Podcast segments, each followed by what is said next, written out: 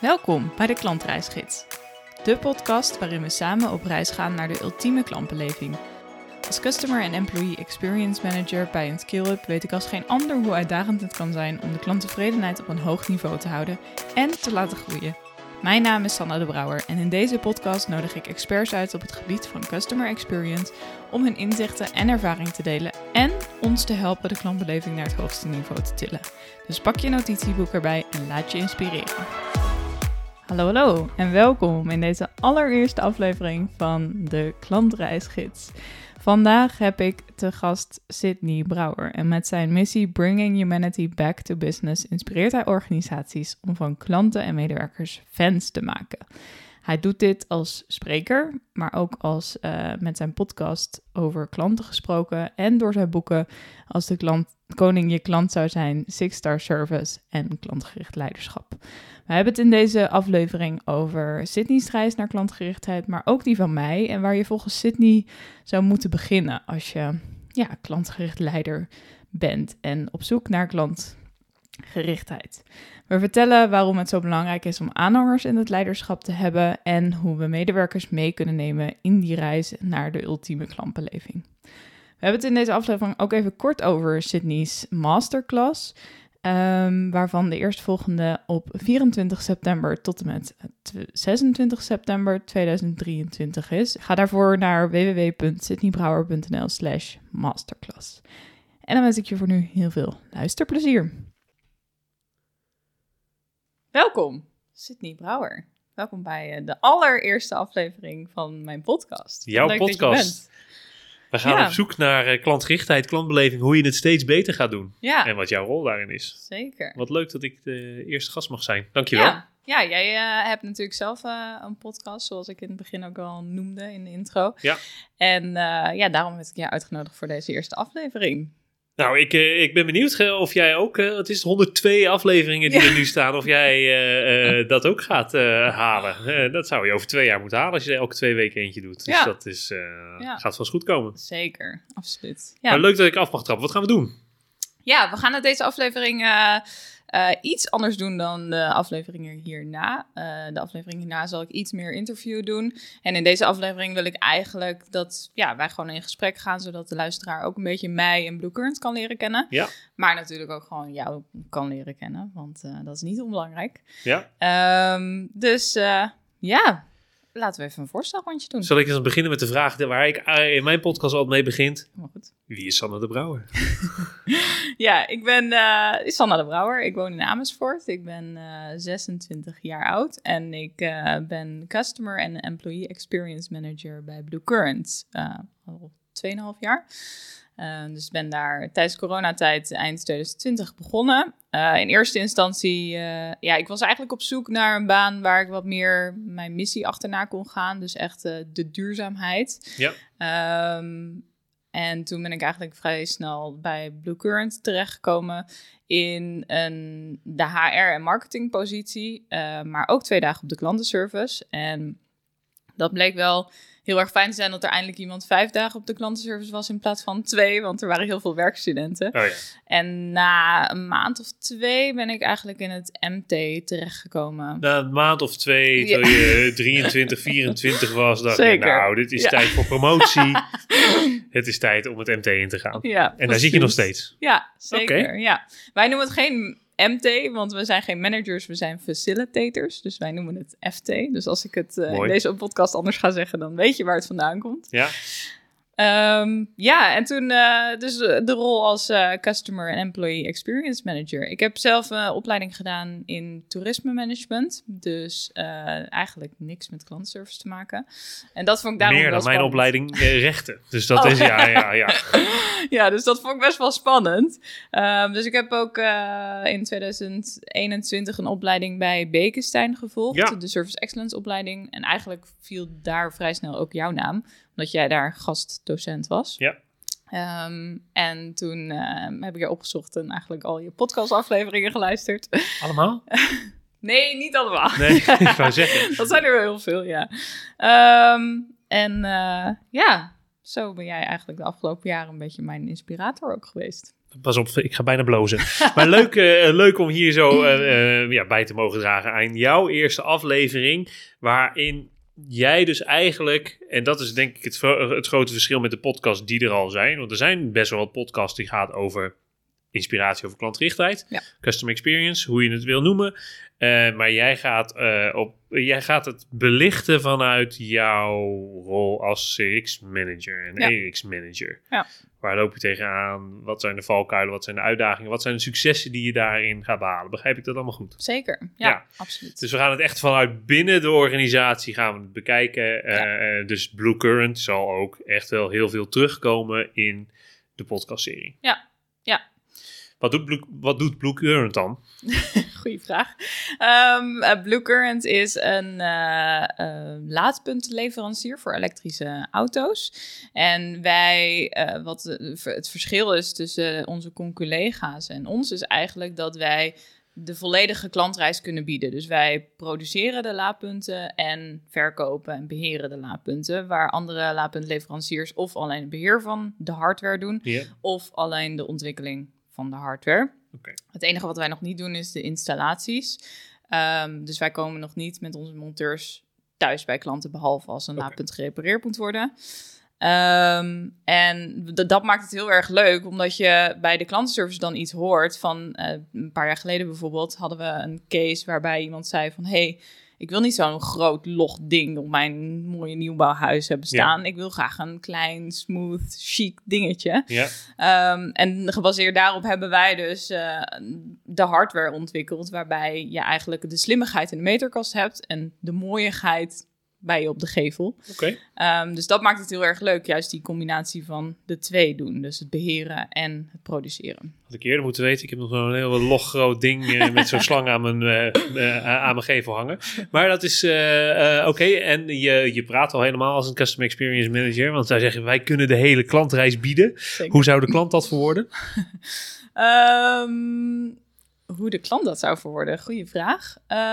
Um, ja, wat, wat wij proberen te doen is uh, toch wel bekend te staan om drie pijlers die wij benoemen. Dus innovatie, duurzaamheid en uh, customer experience. Ja. Um, en dat zit dus al ook wel helemaal in onze cultuur gebakken. Uh, dus dat hopen wij wel echt aan de klant te bieden, die, um, die drie pijlers. Dit is gelijk, dit, dit vind ik gelijk een, een mooi, iets moois wat je vaak ziet in de CX-wereld. Dat we heel snel in jargon eh, gaan, gaan praten. Hè. Een klant praat niet over klantreizen. Nee. Uh, een klant houdt zich meestal ook niet aan, aan, aan, klantreizen. Een klant praat niet in merkwaardes en, en, en kernwaarden. Die zegt, ik vind het gewoon super fijn dat ik maar bij één iemand aan hoef te kloppen... als ik een issue heb met mijn laadstation of met de software uh, om in te loggen. Ja. Dat is gewoon super fijn. En niet dat ik drie verschillende partijen heb... waarvan ik niet weet wie wat ook alweer doet. Nee. Of die überhaupt niet antwoorden. Zoals ik ja. als ervaring heb gehad. Niet met jullie. uh, dus uh, we gaan het ook van buitenaf, uh, althans dat ga ik je een beetje mee prikkelen in, in, in deze aflevering, om ook van buitenaf naar Blue Current te kijken. Ja, heel fijn, leuk. Top. Um, Wie ben jij, Sydney? Oh ja, dat is ook een goeie.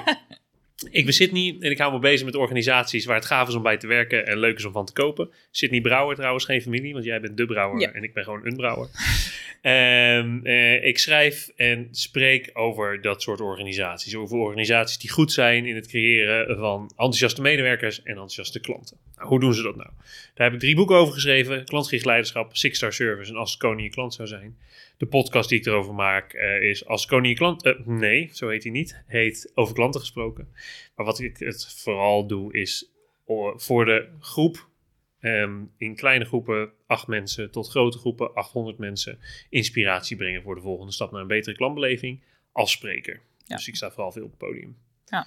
En zo uh, hoop ik uh, mensen een beetje te kunnen uh, inspireren en te prikkelen om elke keer weer dat stapje te gaan zetten. Nou, dat is bij jou in elk geval gelukt, dus daar ben ik blij om. Zeker, ja. En je doet ook masterclasses, toch? Ja, twee keer per jaar uh, masterclass klantgericht leiderschap. Dus dat gaat echt over, uh, dat is echt gericht voor mensen zoals jij. Uh, customer experience managers, mensen die leiding geven aan klantservice teams of iets dergelijks. Over hoe ze een klantgerichte cultuur kunnen bouwen in hun team, op een afdeling, in een organisatie. En hun mensen elke dag meenemen naar een steeds betere klantbeleving. Ja. we doen tweeënhalve dag in de Friese natuur op een fantastisch mooi hotel.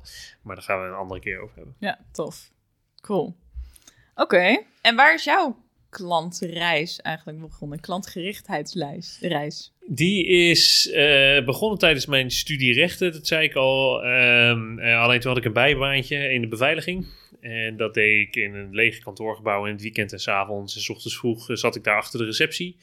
Um, en uh, op een gegeven moment, en ik vond het heel leuk. Ik deed het bij een bedrijf dat zich profileert met een vijf sterren dienstverlening. Dus zij zeggen, wij doen allerlei facilitaire diensten, catering, receptie, schoonmaak, uh, beveiliging op vijf sterren hotelniveau. En ik vond het heel erg leuk om te doen, om die kleine stapjes extra te zetten. Hè. Ik werkte bij een grote krantenuitgever op het kantoor. En ik wist precies wie welk krantje het liefst uh, las. En als die ochtends binnenkwam, dan zag ik op de camera wie er binnenkwam. En dan pakte ik alvast krantje om diegene zijn favoriete krantje te geven. Dat soort dingen vond ik leuk om te doen. Cool. Maar uh, ik zag niet een carrière voor mezelf in de facilitaire dienstverlening of in de beveiliging. Uh, en uh, op een gegeven moment liep ik daar s'nachts mijn uh, ronde om het pand af te sluiten. En toen zag mm -hmm. ik op het, het, kantoor van de commercieel directeur, daar stond een boek, dat heet Be Our Guest. En dat mm -hmm. gaat over Disney, over hoe zij elke keer werken aan een klantgerichte ja, beleving. Ja. En dat heb ik toen in drie nachtdiensten uitgelezen. En dat vond ik zo gaaf dat ik dacht, nou, nu ga ik in Nederland op zoek naar bedrijven die hier voorop inlopen. Ja. En uh, nou, dat is eigenlijk het begin van de podcast geweest. Om uh, uh, binnen te komen bij dit soort bedrijven, zei ik, joh, ik heb een, twee microfoons, wil je je verhaal kwijt? Ja. Toen wisten ze nog niet dat er toen maar 36 mensen naar luisterden.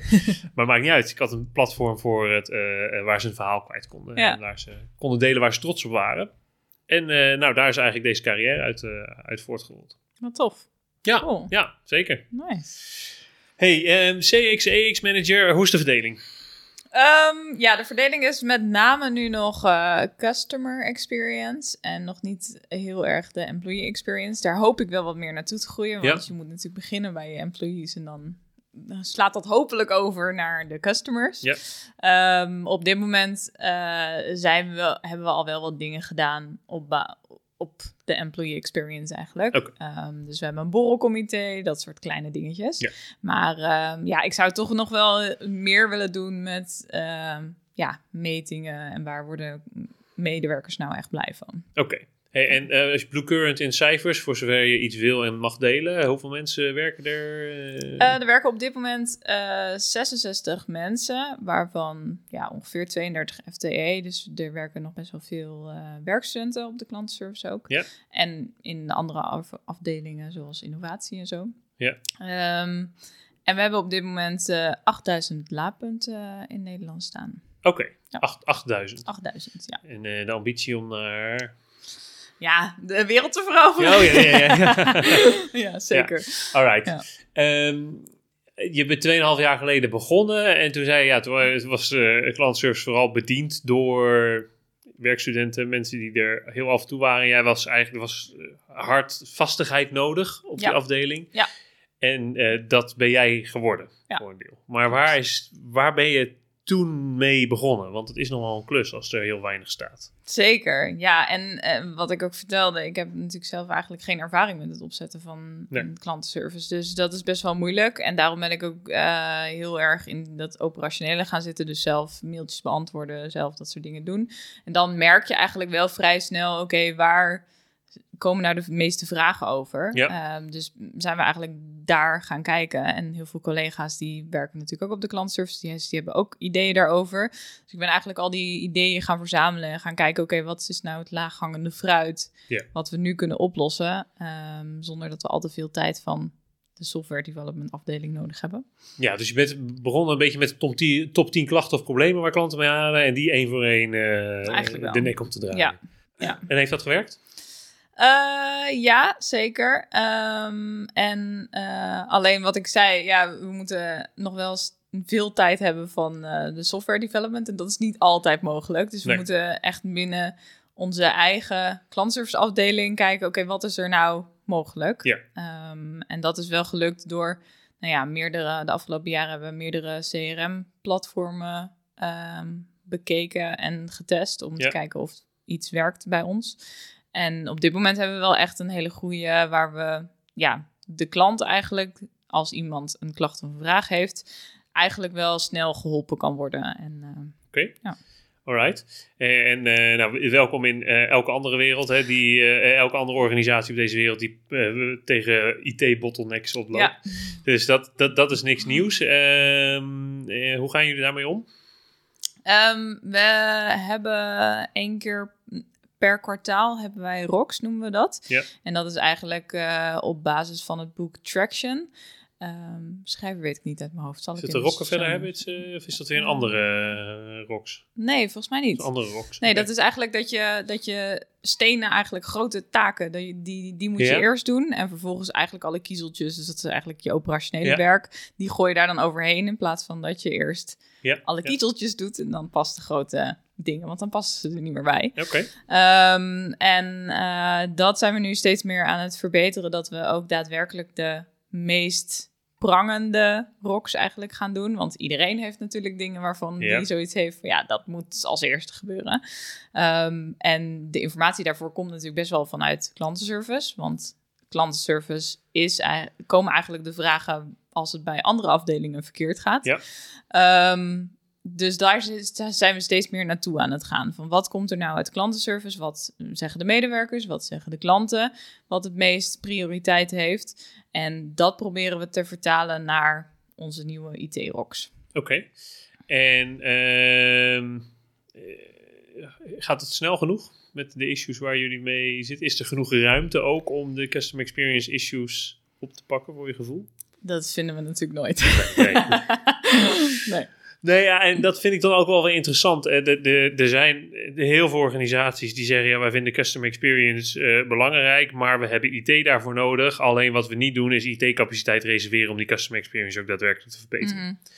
Ehm, er zijn organisaties die dat dan, dan anders doen. Die zeggen, joh, wij hebben tien IT'ers in dienst. En een van die tien is gewoon puur en alleen bezig met de dingen waar klanten blij van worden steeds te verbeteren. En het zijn vaak maar kleine schuifjes, knopjes, iets eh, dat net even wat anders werkt. Ja. Maar dat we wel gewoon 10% IT-capaciteit hebben gereserveerd om die kleine constant verbeterstapjes te maken. Ja.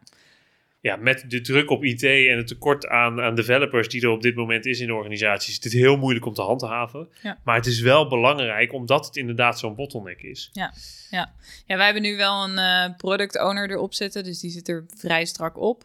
Ehm, en we hebben die 10% hebben we wel, Ja. maar dat gaat dan op aan onze huidige rocks waarvan we toch zoiets hadden. En we hebben ook wel heel veel rocks waarvan we zoiets hebben van oké, die is in Q1 eigenlijk afgerond, maar dan vervolgens komt er nog een staartje in Q2 en dat Ja. is eigenlijk die 10%. Dat je net nog even dat testen niet gebeurd is of wel gebeurd is, maar die de ja, de verbeteringen zijn nog niet doorgevoerd, zeg maar. Ja. Ja, de- de- dat is eigenlijk gewoon vertraging in het, in het, in het development proces. En waardoor je dan denkt, nou ja, dan die 10% van de customer experience maar daarvoor gebruiken. Ja, Ja. ja. oké. Ja. Eh, ja, en, en, en dan, wordt het een dan wordt het lastig als, als de, die 10% die je hebt gereserveerd niet gebruikt wordt voor echt waar die voor zou moeten. Nee. Eh, dat is dan een uitdaging. Maar het feit dat jullie die 10% hebben is al veel beter dan veel andere organisaties. Dus wat dat betreft eh, doe je het goed. Ja, Ja. En, en wat zijn nou in je 2,5 jaar, wat is nou je hele concrete, je het meest trotse resultaat waar je eh, op bent? eh, waarvan je zegt, ja, dit heb ik in de customer experience toch bereikt. Mhm. Ik denk dat dat toch is dat, dat klantenservice wel echt belangrijk is gebleven binnen onze organisatie. Ehm, we zijn, ik ben begonnen, toen waren er twintig mensen denk ik werkzaam. Ja. Ehm, en toen was het echt nog start-up eh, cultuur. En nu zijn we veel meer naar een skill-up aan het gaan. En die cultuur is wel echt hetzelfde gebleven, zeg maar. Ja. Dus op medewerkersniveau, maar ook klanten zijn nog steeds heel erg belangrijk. Ehm, en ik hoop dat ik dat nu eh, ook weer wat meer kan samenwerken met de afdelingen account management en sales bijvoorbeeld. Om, en marketing, om dat nog meer uit te dragen, zeg maar, naar buiten ook. Ja. Bekende silootjes die je dan aan elkaar wil rijgen. Ja, Ja. Ja. Hoe, eh, hoe, eh, hoe ben je dat dan doen? Ehm, voornamelijk door heel veel feedback wat klanten geven eh, aan hen terug te geven. Ehm, zelf ook boeken te lezen over B2B marketing en hoe je dat nou op een klantgerichte manier doet. Ja. En daarmee gewoon het gesprek aan te gaan met account management en sales en marketing. En werkt het? ja, goede vraag. Ehm, nog niet helemaal, nog niet zoals ik zou willen.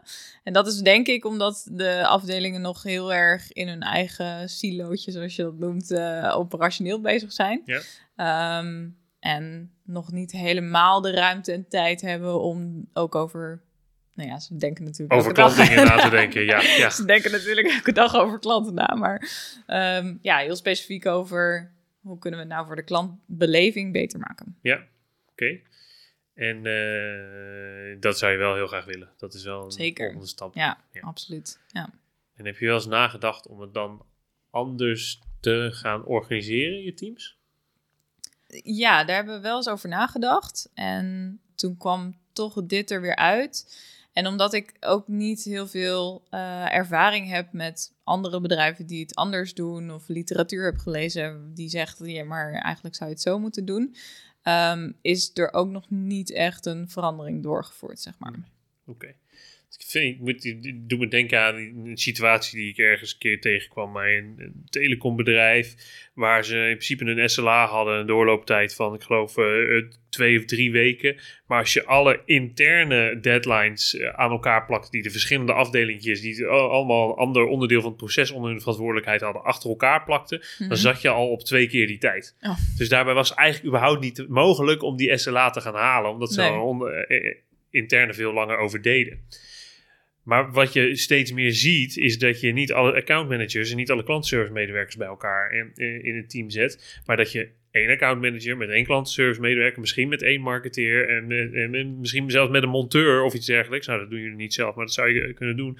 Allemaal bij elkaar in een team zet, zodat je veel makkelijker kan schakelen binnen dat team. Ja. Eh, dan heb je veel minder eilandjes, maar dan, dan organiseer je je, orga- je, bedrijf eh, ook daadwerkelijk volgens de klantreis. Ja. Dus iedereen die eh, eh, een onderdeel verantwoordelijkheid heeft voor die klantreis, stop je bij elkaar in een team, waardoor je een klantreisteam hebt in plaats van een sales team en een marketingteam en, Ja. een, eh, en een service team. Daar heb ik ook wel eens over nagedacht, inderdaad. Want ik ken een leasemaatschappij en die doet het ook op die manier, Ja. inderdaad. En wij hebben ook veel verschillende klanten. Dus eigenlijk zijn onze klanten installateurs en leasemaatschappijen. Alleen op onze klantenservice bedienen we eigenlijk de eindgebruiker.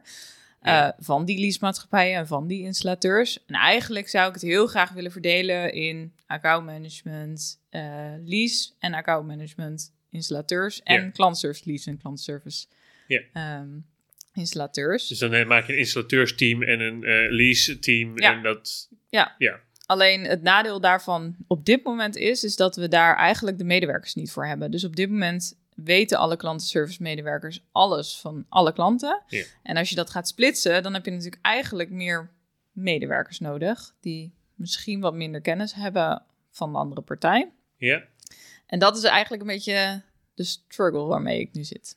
oké. En, en als je dan, dan we gaan nu gelijk de bluecurrent. eh Ja. Maar eh, als je toch mensen hebt die eh, alles van iedereen weten, dan je, hebt drie klantservice medewerkers, één in het ene team, één in het andere team en één als vliegende keep waar die Mhm. net, net waar die nodig Ja. is. totdat je, tot het moment dat je echt de, de, de ruimte hebt om inderdaad die vaste teams te maken. Ja. Ik zeg niet dat dit, de- dat dit de oplei- oplossing is hoor, maar wat je wel vaak ziet is als organisaties zich zo gaan structureren, dat die communicatie intern veel eh, soepeler gaat en dat je veel minder tegen die silo's aanloopt. Ja, ja. en daar zal accountmanagement ook blijer van worden, denk ik. Want dan hebben zij specifiek klantenservice waar ze naartoe kunnen gaan. Ja, eh, ja te- tegelijkertijd vinden accountmanagers ook vaak leuk om eh, samen met hun collega accountmanagers te zijn. Dus er, er Ja. zitten voor- en nadelen aan aan Ja. alle kanten. Ja. Maar het zou, het zou kunnen werken. Ja, En het mooie is, nu je nog redelijk klein bent, eh, 32 FT, 66 mensen, kan je dit nog doen. Als je straks 100 man bent, dan wordt het alweer lastiger om het... eh, om het Dat is eh, eh, Ja. maar dit moeten jullie in het FT bespreken. Dat hoeven- moet, gaan we, die keuze gaan we niet maken hier in de podcast. nee, precies. Nee, maar wel een goede tip. Dankjewel. Wel- Welke dingen loop je tegenaan waarvan je zegt, hey, zit niet hier, zou ik wel met je over willen hebben? Ja, ehm, ik zit een beetje... dit is natuurlijk de eerste aflevering van de podcast. Ehm, ik ga nu iets schrijven en dat hoor je waarschijnlijk op de opname. Dus dat gaan we er even uitknippen. Nee, dit moet je inhouden, is lekker authentiek. Ehm, we zitten natuurlijk in de eerste aflevering van mijn podcast. En dat is eigenlijk nou ja, de start van deze podcast. Ja. Maar ehm, ik, ja, ik- wat jij net zei, ik ben al een tijdje bezig eh, natuurlijk met de reis naar Ja. klantgerichtheid. Ehm, en ik wil de luisteraars hiermee meenemen.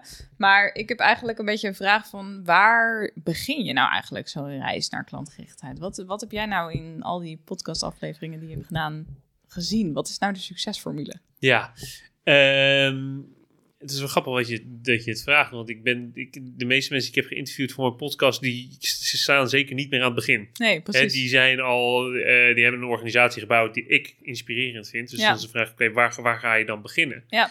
En dan is toch, eh, ik zeg altijd buiten winnen is binnen beginnen. Mhm. Eh, maar om toch buiten naar binnen te halen is dan misschien wel de beste manier. Om toch even bij die klant eh, te beginnen. Eigenlijk wat jij ook hebt gedaan. Hè? Wat zijn nou, even in kaart brengen, wat zijn nou de bottlenecks? Wat vind je echt van ons? En waar gaat het heel goed? Maar ook waar gaat het mis? Ja. Wat de meeste organisaties doen, omdat het ook de makkelijkste stap is, is om klantreizen in kaart te gaan brengen. Of nog beter, een heel duur consultancybureau in te huren om die klantreizen voor ze in kaart te laten brengen. Ehm, maar hoeveel procent van je klanten houden zich nou aan die klantreis? Ja. Hoeveel procent van je klanten past nou echt in een van de drie of vier persona's die je gemaakt hebt? Mm, Dat is niet zoveel. nee. Nee, en klantbeleving gaat er juist over wat, ga, eh, eh, wat gebeurt er om de standaard heen. We hebben het standaardproces, we hebben de standaard klantreizen, de standaard pro- procedures en protocollen in een organisatie die gewoon goed moeten zijn. Je baas moet op orde zijn. Ja. Maar wat als een klant even een afwijking heeft? Wat, eh, wat als er een andere vraag is van een klant die net even niet past in onze standaard producten of diensten? Wat als er iets keer fout gaat, er is een vertraging? Dat is waar klantbeleving over gaat. Hoe ga je daar mee om? Ja. Kijk, als je standaard goed is, dan kan je misschien één of twee wauwmomentjes eh, ehm, eh, inbouwen. Weet, dat je eh, een net geïnstalleerde laadpunt met een taart en confetti opent. Geen idee. Mhm. Dat, dat zou iets eh, kunnen zijn. Zou ik niet doen hoor. Maar ehm, dat je zo'n wauw-moment inbouwt. en dat je daarmee hoopt klant enthousiast te maken. Maar waar het echt over gaat, is natuurlijk: oké, wat nou als het even misgaat? Als Mhm. er even iets anders is. Als ik een vraag heb als klant, hoe word ik dan geholpen? Als. Dat zijn momenten. En dat is toch vaak het mensenwerk dat, dat, dat er eh, aan, aan, aan te pas komt. Het zijn zulke kleine, simpele dingen waar je helemaal niet eh, na- over nadenkt. Ehm, en die in geen enkele eh, eh, klantreis terugkomen. Ik ga je een heel simpel voorbeeld en misschien een beetje onhygiënisch voorbeeld geven. Maar eh, die airco die je achter je ziet hangen hier in mijn woonkamer, Mhm. die is vorige week geïnstalleerd. En zo'n zo- monteur is hier de hele dag bezig. En die moet een keer naar het toilet Mhm. als ik dan aan het eind van de dag ook even naar het toilet ga en zie dat alles onder is gespetterd, dan is dat een, iets wat doet met mijn beleving. Ja, Maar dat komt niet terug voor in een klantreis. nee. Dit zit in je mensen, hoe, eh, hoe hun houding is, hoe, eh, het, het, eh, eh, hoe ze de, elke dag met welke mindset ze naar eh, hun werk gaan Ja. en hun werk doen. En of ze in elk, al die kleine dingetjes het belang van de klant eh, meenemen. Ja, waar begin je dan mee? Begin je met goede mensen aannemen. Ja, precies. Dat Ja. is één. Maar het, het betekent ook dat je vanuit je FT eh, en vanuit een van de oprichters die echt, eh, vertelde jij mij, echt voorop loopt op het gebied van, hey, die klant is zo belangrijk in onze organisatie. Ja. Ehm, die dat elke keer weer op, de- op het voetstuk zet dat het verdient. Ja, dat is eigenlijk waar, het- waar het begint. Zeker als je een wat grotere organisatie bent. Heb jij iemand hoog in de boom zitten die echt de kartrekker is, die echt de sponsor is en Ja. constant de aandacht focust op die klant en die klantbeleving? Ja. Doe je dat? Dan helpt dat enorm. Ik heb een andere klant van mij, het is een eh, financiële dienstverlener en die heeft een hypotheekkant en die heeft een, een, een, een, een, bankkant, sparen, beleggen, eh, Mhm. al dat soort dingen. En die twee afdelingen heb ik allebei mee mogen werken, heb ik allebei precies hetzelfde programma meegedraaid. En de ene kant, de hypotheekkant, daar eh, eh, zijn grote successen, die zijn nu anderhalf jaar bezig om echt die klantgerichte cultuur te bouwen en echt met elkaar, met ambassadeurs, met de managers, constant stappen te maken naar steeds betere klantbeleving. Omdat daar één iemand zit, één iemand die dit echt heeft toegeëigend, zegt dit is mijn eh, paradepaardje en hier ga ik elke dag mee bezig. Ja. Dus hij zorgt elke dag voor die aanwakkerfunctie. Ja. De andere kant van die eh, eh, financiële dienstverlener, Die hebben hetzelfde programma gedaan, die hebben dezelfde dingen geleerd. maar daar zit niet één iemand die zegt, ik pak dit op. Nee. En die hebben dus geen kwartiermaker, die hebben geen voorloper. En dat is dus eigenlijk gelijk weer doodgevallen. Ja. En dan zie je hoe belangrijk het er is om een Sanna te hebben, om een, eh, whatever, wie, wie het ook is, iemand te hebben die er echt elke dag mee bezig is. Ja. Het andere mensen eh, ehm, eh, constant invrijft hoe, hoe, hoe cruciaal het is en wat hun rol is in het creëren van een eh, goede klantbeleving. Ja. Maar ook op die onverwachte momenten waar je niet gelijk aan denkt op, op het moment dat je denkt aan klantbeleving. Wie nemen we aan? Ehm, hoe doen we het eigenlijk als er monteurs bij ons klanten eh, eh, eh, binnenkomen?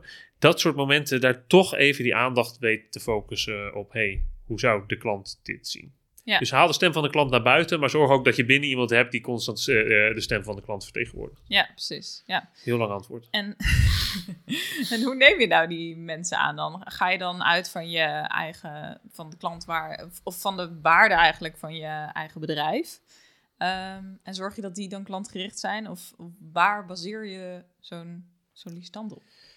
Dat, dat, dat, is, eh, een, eh, dat is soms uitdagend. Wat helpt is kijken waar ze vandaan komen. Hè, Mhm. iemand die in de horeca heeft gewerkt, in de hotellerie heeft gewerkt, hotelschool heeft gedaan, of misschien eh, purser is geweest of steward, steward stewardess is geweest in, Ja. in de luchtvaart, heeft al heel wat meegekregen wat dat betreft qua Ja. gastvrijheid. Die heeft ehm, eh, eh, vaak in een gastvrije omgeving gewerkt, dus die neemt dat mee. Ja. Ehm, als je iemand inhuurt die actuaris is geweest en die constant alleen maar eh, achter een rekenmachine heeft gezeten en econo econometrist is qua opleiding, Mhm. die heeft waarschijnlijk minder met klanten. Ja. En dit is heel gechargeerd, dit is heel zwart-wit, dus je moet daar eh, eh, in gesprekken mee doen. Je moet zeker ook iemand gewoon even in de dag, wij doen niet aan sollicitatiegesprekken of wij doen ook aan sollicitatiegesprekken, maar wij doen ook aan, aan, aan meewerkdagen. Kom gewoon eens even een dag Ja. bij ons eh, meewerken met je collega's op de klantenservice. Kan je kijken welke vragen diegene stelt, of die zelf al suggesties heeft, eh, eh, of het beter kan. Zo- Zo'n dag geeft wel veel beter inzicht dan puur en alleen een gesprek van een uur waarvan ik de, eh, doe alsof ik de beste kandidaat ben en jij doet alsof je de beste Ja. eh, werkgever bent, maar Ja. dat allebei eigenlijk niet zo is. Nee, precies. Ja. Dus ga eens op creatieve manieren kijken. We zien ook steeds meer mensen. Ik was vorige week was ik bij het Okura Hotel in Amsterdam. Mhm.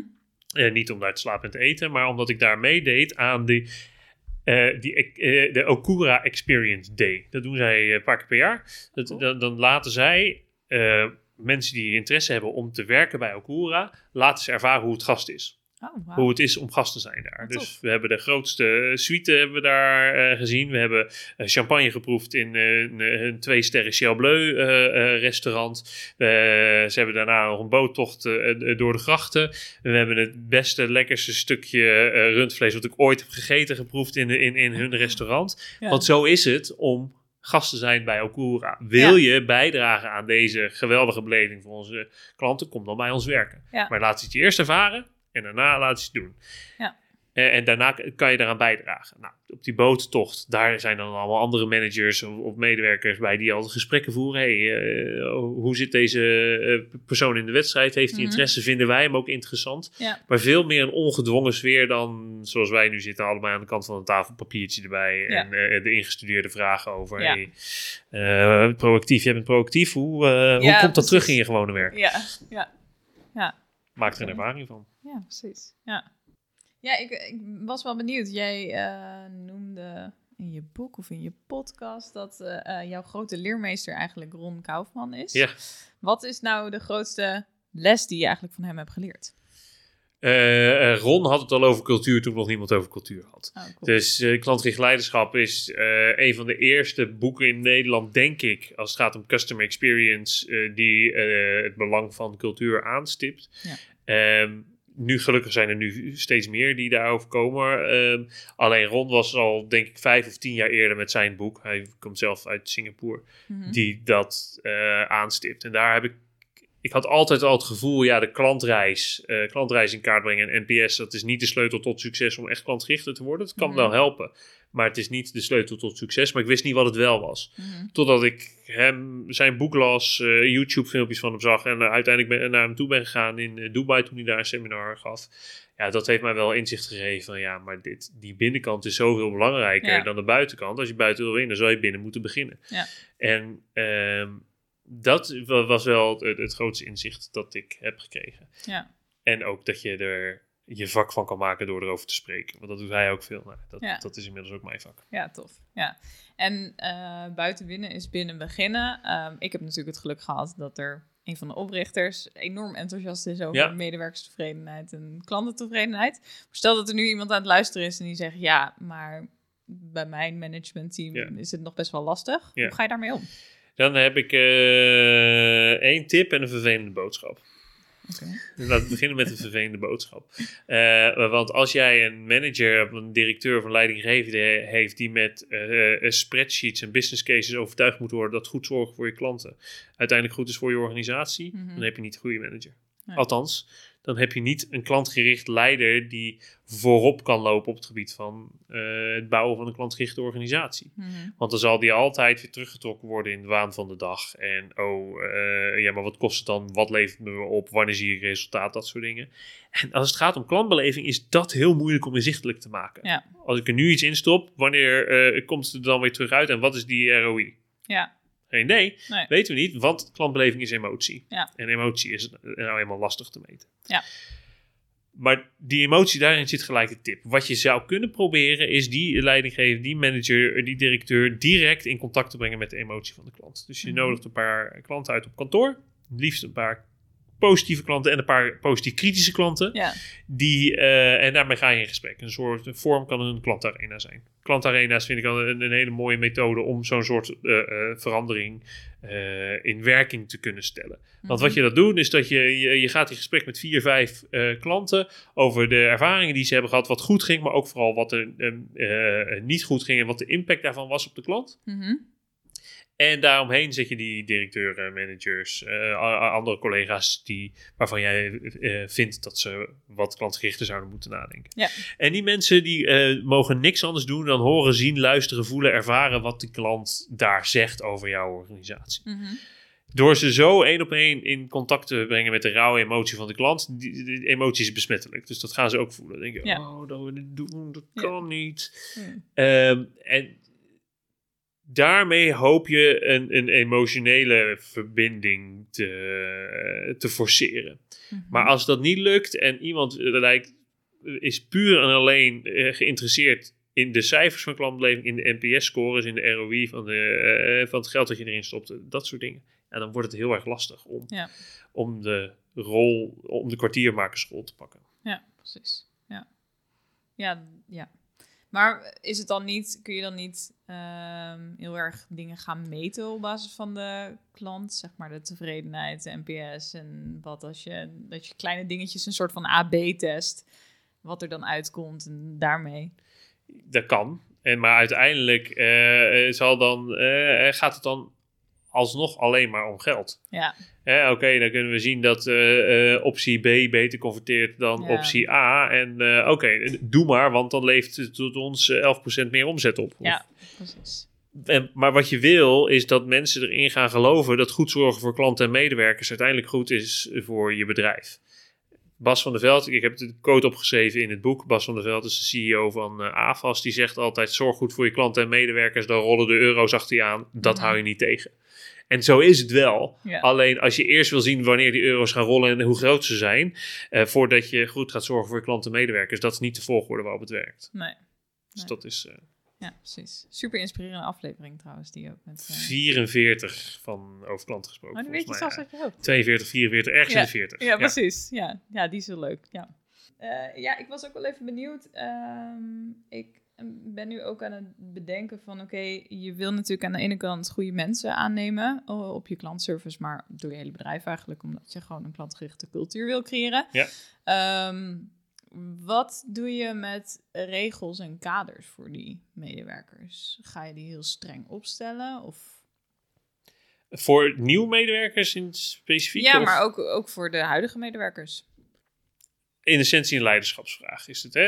en natuurlijk. Ik, ik, was bij NBA in één dag van Ben Tichelaar en die, zei, die gaf eigenlijk aan dat er drie elementen, als we gewenst gedrag willen zien van, van bepaalde medewerkers, dan zijn er drie elementen die nodig zijn mm om, om, om dat te bereiken. Eén, ze moeten het kunnen. Mhm. Kunnen ze het gewenste gedrag laten zien? Hebben ze, zijn ze daarvoor opgeleid? Hebben ze training gehad? Dat soort dingen. Twee, willen ze het? Mhm. Hebben ze de motivatie om het uiteindelijk te doen? Drie, mogen ze het van de omgeving? Mhm. is de cultuur erop gebaseerd? Zijn de KPI's niet in strijd met wat ze uiteindelijk, uh, wat je van ze vraagt? Uh, al dat soort dingen. Dit kan dus op vier manieren fout gaan. Of, of mag niet van de omgeving, ze, ze, willen het niet, ze kunnen het niet, of ze hebben geen flauw idee wat er van ze verwacht wordt. Ja. En dat is vaak waar het fout gaat. Ja. Dus hè, we zeggen vaak, ja, we moeten klantgerichter worden, maar wat dat precies betekent in het gedrag van die medewerker, ja. geen flauw idee. Nee. En juist voor medewerkers die mee moeten in die uh, medewerkers die in de kern minder in zich hebben, zal je meer sturing moeten geven uh, dan medewerkers die een hospitality mindset hebben, waar je u tegen zegt. En die, uh, ja, die kan je wat meer vrijlaten. Ja. medewerkers die je daar wat meer bij de hand moet nemen. Daarvoor moet je het gedrag zo concreet maken dat je van ze wil zien dat je het moet kunnen filmen. Ja. Dus ik wil dat je, als wij nee moeten zeggen tegen een klant, als we nee moeten kopen, dat je altijd een alternatief biedt. Ja. Dat is zo concreet dat je het kan uh, filmen. Ja dan luister je drie gesprekken van diegene terug. Zeg, hey, dit gesprek heb je nee uh, gezegd, maar we hebben geen alternatief gewoon. Dat hadden we wel afgesproken. En dan heb je, uh, dan heb je het, uh, het gewenste gedrag zo concreet gemaakt dat je iemand effectief daar leiding op kan geven en ja. op kan sturen. Ja mensen die dit al veel meer in hun genen hebben, in hun DNA hebben, die hoef je minder te sturen. En daar moet je een kader van geven. hey, dit is wat we willen bereiken. Wij willen dat al onze klanten woest enthousiast zijn uh, over ons. Um, en uh, daar heb ik. Uh, um, er zijn maar drie redenen waarom je bij mij moet aankloppen. Ja. Eén, als we een geheel nieuwe laadpaal moeten geven, wat ons, weet ik veel, duizend euro kost. Ja. Um, twee, als, er, als we een externe partij voor veel geld moeten inhuren. Of drie, geen idee, verzin iets. Drie gouden gouden regels. Ja. Als het niet aan deze drie dingen raakt, doe, uh, uh, doe waarvan jij denkt dat het nodig is om je klant het beste van dienst te zijn. Ja, precies. En die gouden regels die heb ik geleerd uit het boek uh, It's Your Ship. Mm -hmm. Super inspirerend boek. Ik zal me straks even eentje meegeven. Laat me, help me aan herinneren. Ja. Van een Amerikaanse kapitein van een, een, een, marineschip. Die het slecht presterende schip was van de Amerikaanse marine. Okay. En die kreeg hij onder zijn hoede. En toen zei hij, ja, dit moet even anders. Dit werkt niet als ik het via de hiërarchische manier alles uh, ga opleggen. Dus hij heeft uh, de eerste drie maanden heeft hij met alle 310 mensen in zijn, uh, op zijn schip heeft hij eerst gewoon gesprekken gevoerd om die persoonlijke verbinding te maken. En vervolgens heeft hij gezegd: Ik wil dat wij het best presterende schip in de Amerikaanse marine worden. Dus van slecht presterende naar best presterende. Mm -hmm. En daarvoor mag je alles doen waarvan jij denkt dat het nodig is. Ja. Er zijn maar drie regels. Ja. Eén als het uh, uh, kans heeft om geld van de belastingbetaler te verspillen, grote bedragen, kom even bij me checken. Twee, als het schade kan doen aan het schip, kom het Mhm. even bij me checken. Uh, drie, als het iemand kan verwonden of kan doden, kom het even bij me checken. Ja. Nou, vind ik, vind ik drie hele schappelijke gouden regels. Is, heb je niet het risico dat je een van deze drie gouden regels raakt, maak gewoon je eigen keuze en doe het gewoon om uiteindelijk het schip beter te maken. Ja. Dat heeft hem enorm en het heeft uiteindelijk geluk, uh, ervoor gezorgd dat het is gelukt om dit schip best presterend te maken. Tof. Maar dat is het lastige van, van, van leiderschap. Aan de ene kant moet je kijken, oké, okay, welke mensen hebben bij mij sturing nodig en welke Mhm. mensen kan ik meer losgeven. En die balans, dus aan de ene kant gewenst gedrag formuleren en ze de volledige vrijheid geven met natuurlijk de kaders die bestaan uit de gouden regels. Daar Ja. ergens tussenin moet je zien te laveren. Ja, precies. En uh, Ja. Uh, soms betekent het dat je één eerst op de strakke hiërarchische moet gaan zitten en dan steeds meer los kan laten. Misschien heb je al wel een team die uh, die klantgerichte mindset heeft en die kan je al wat meer los gaan laten. Ja, Maar daar precies. ergens tussen moet je, je moet je je pad gaan vinden. ja, precies. Ja. ja, die verwachtingen die kan je dan ook weer heel mooi meenemen in de sollicitaties, zeg maar. Van, hey, dit is, dit is ongeveer wat ik verwacht van jou. En, Eh, Ja. eh, eh, ja. Oh ja, want dat was je vraag. Hoe vind ik dan de juiste mensen? ja. Ehm, ja, die, die, die, die, die nemen daarin aan. Maar ook je- daar is tegelijkertijd ehm 70%. Er is één quote, ik weet niet meer voor wie die is, maar die is higher for DNA en not for MBA. Mhm. En wat we vaak willen doen, is dat we mensen beoordelen op, op de ervaring die ze hebben, opleiding, dat soort dingen. Ja.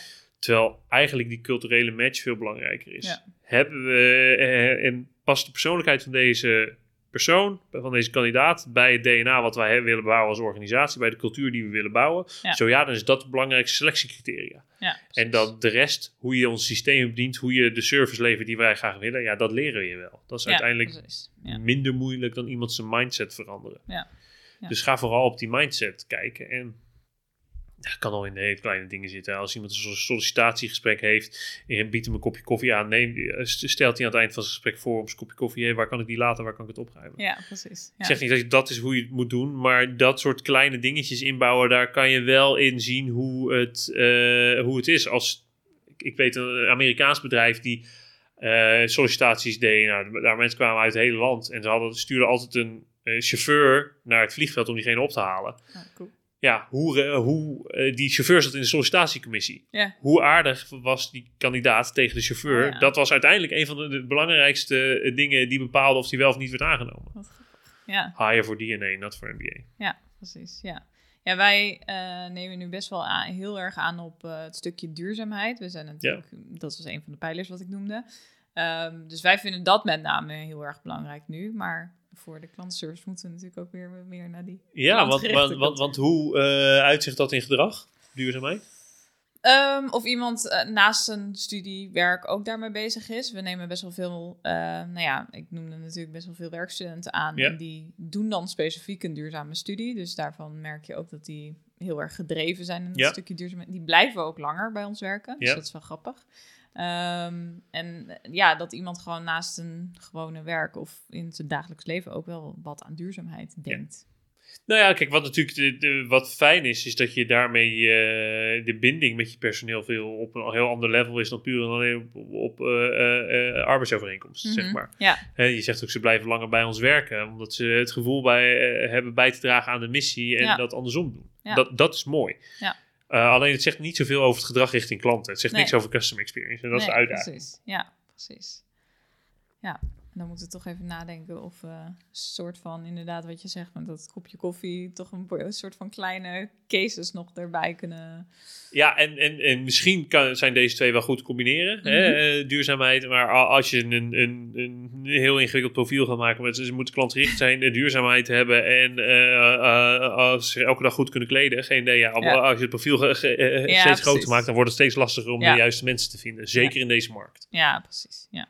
Ja. Maar wat wel zo vaak is, is dat organisaties die goed voor hun klant zorgen ook vaak organisaties zijn waar het leuk is om bij te werken. Ja. Dus dat, uh, dat helpt ook om je mensen langer vast te houden en om meer mensen aan te trekken. Absoluut, ja. ja.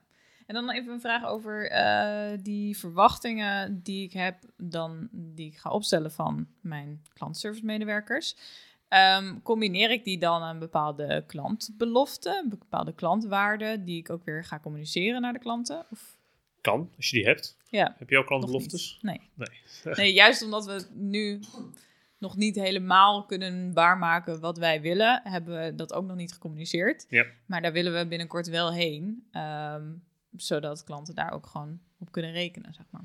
En hypothetisch, wat voor soort klantbelofte zou je, zit je aan, zou je aan denken? Op dit moment zitten we eigenlijk te denken aan, uh, nou ja, eigenlijk wat meer binnen zoveel dagen krijg je antwoord op je e-mail en zo. Dus nog wat meer cijfermatige klantbeloftes eigenlijk, maar nog niet echt de, ja, de echte beleving. Ja, um, dat zou je kunnen doen. Kijk, wij beloven onze klant dat we binnen 48 uur, uh, 48 uur werkdagen antwoord geven. Ja. Wat is er voor nodig om dat intern met elkaar te kunnen doen? Mm nou, dat je niet tegen je collega zegt, uh, joh, ik pak hem na het weekend wel op. Of hè, dat heeft ook weer waarschijnlijk met interne samenwerking te maken.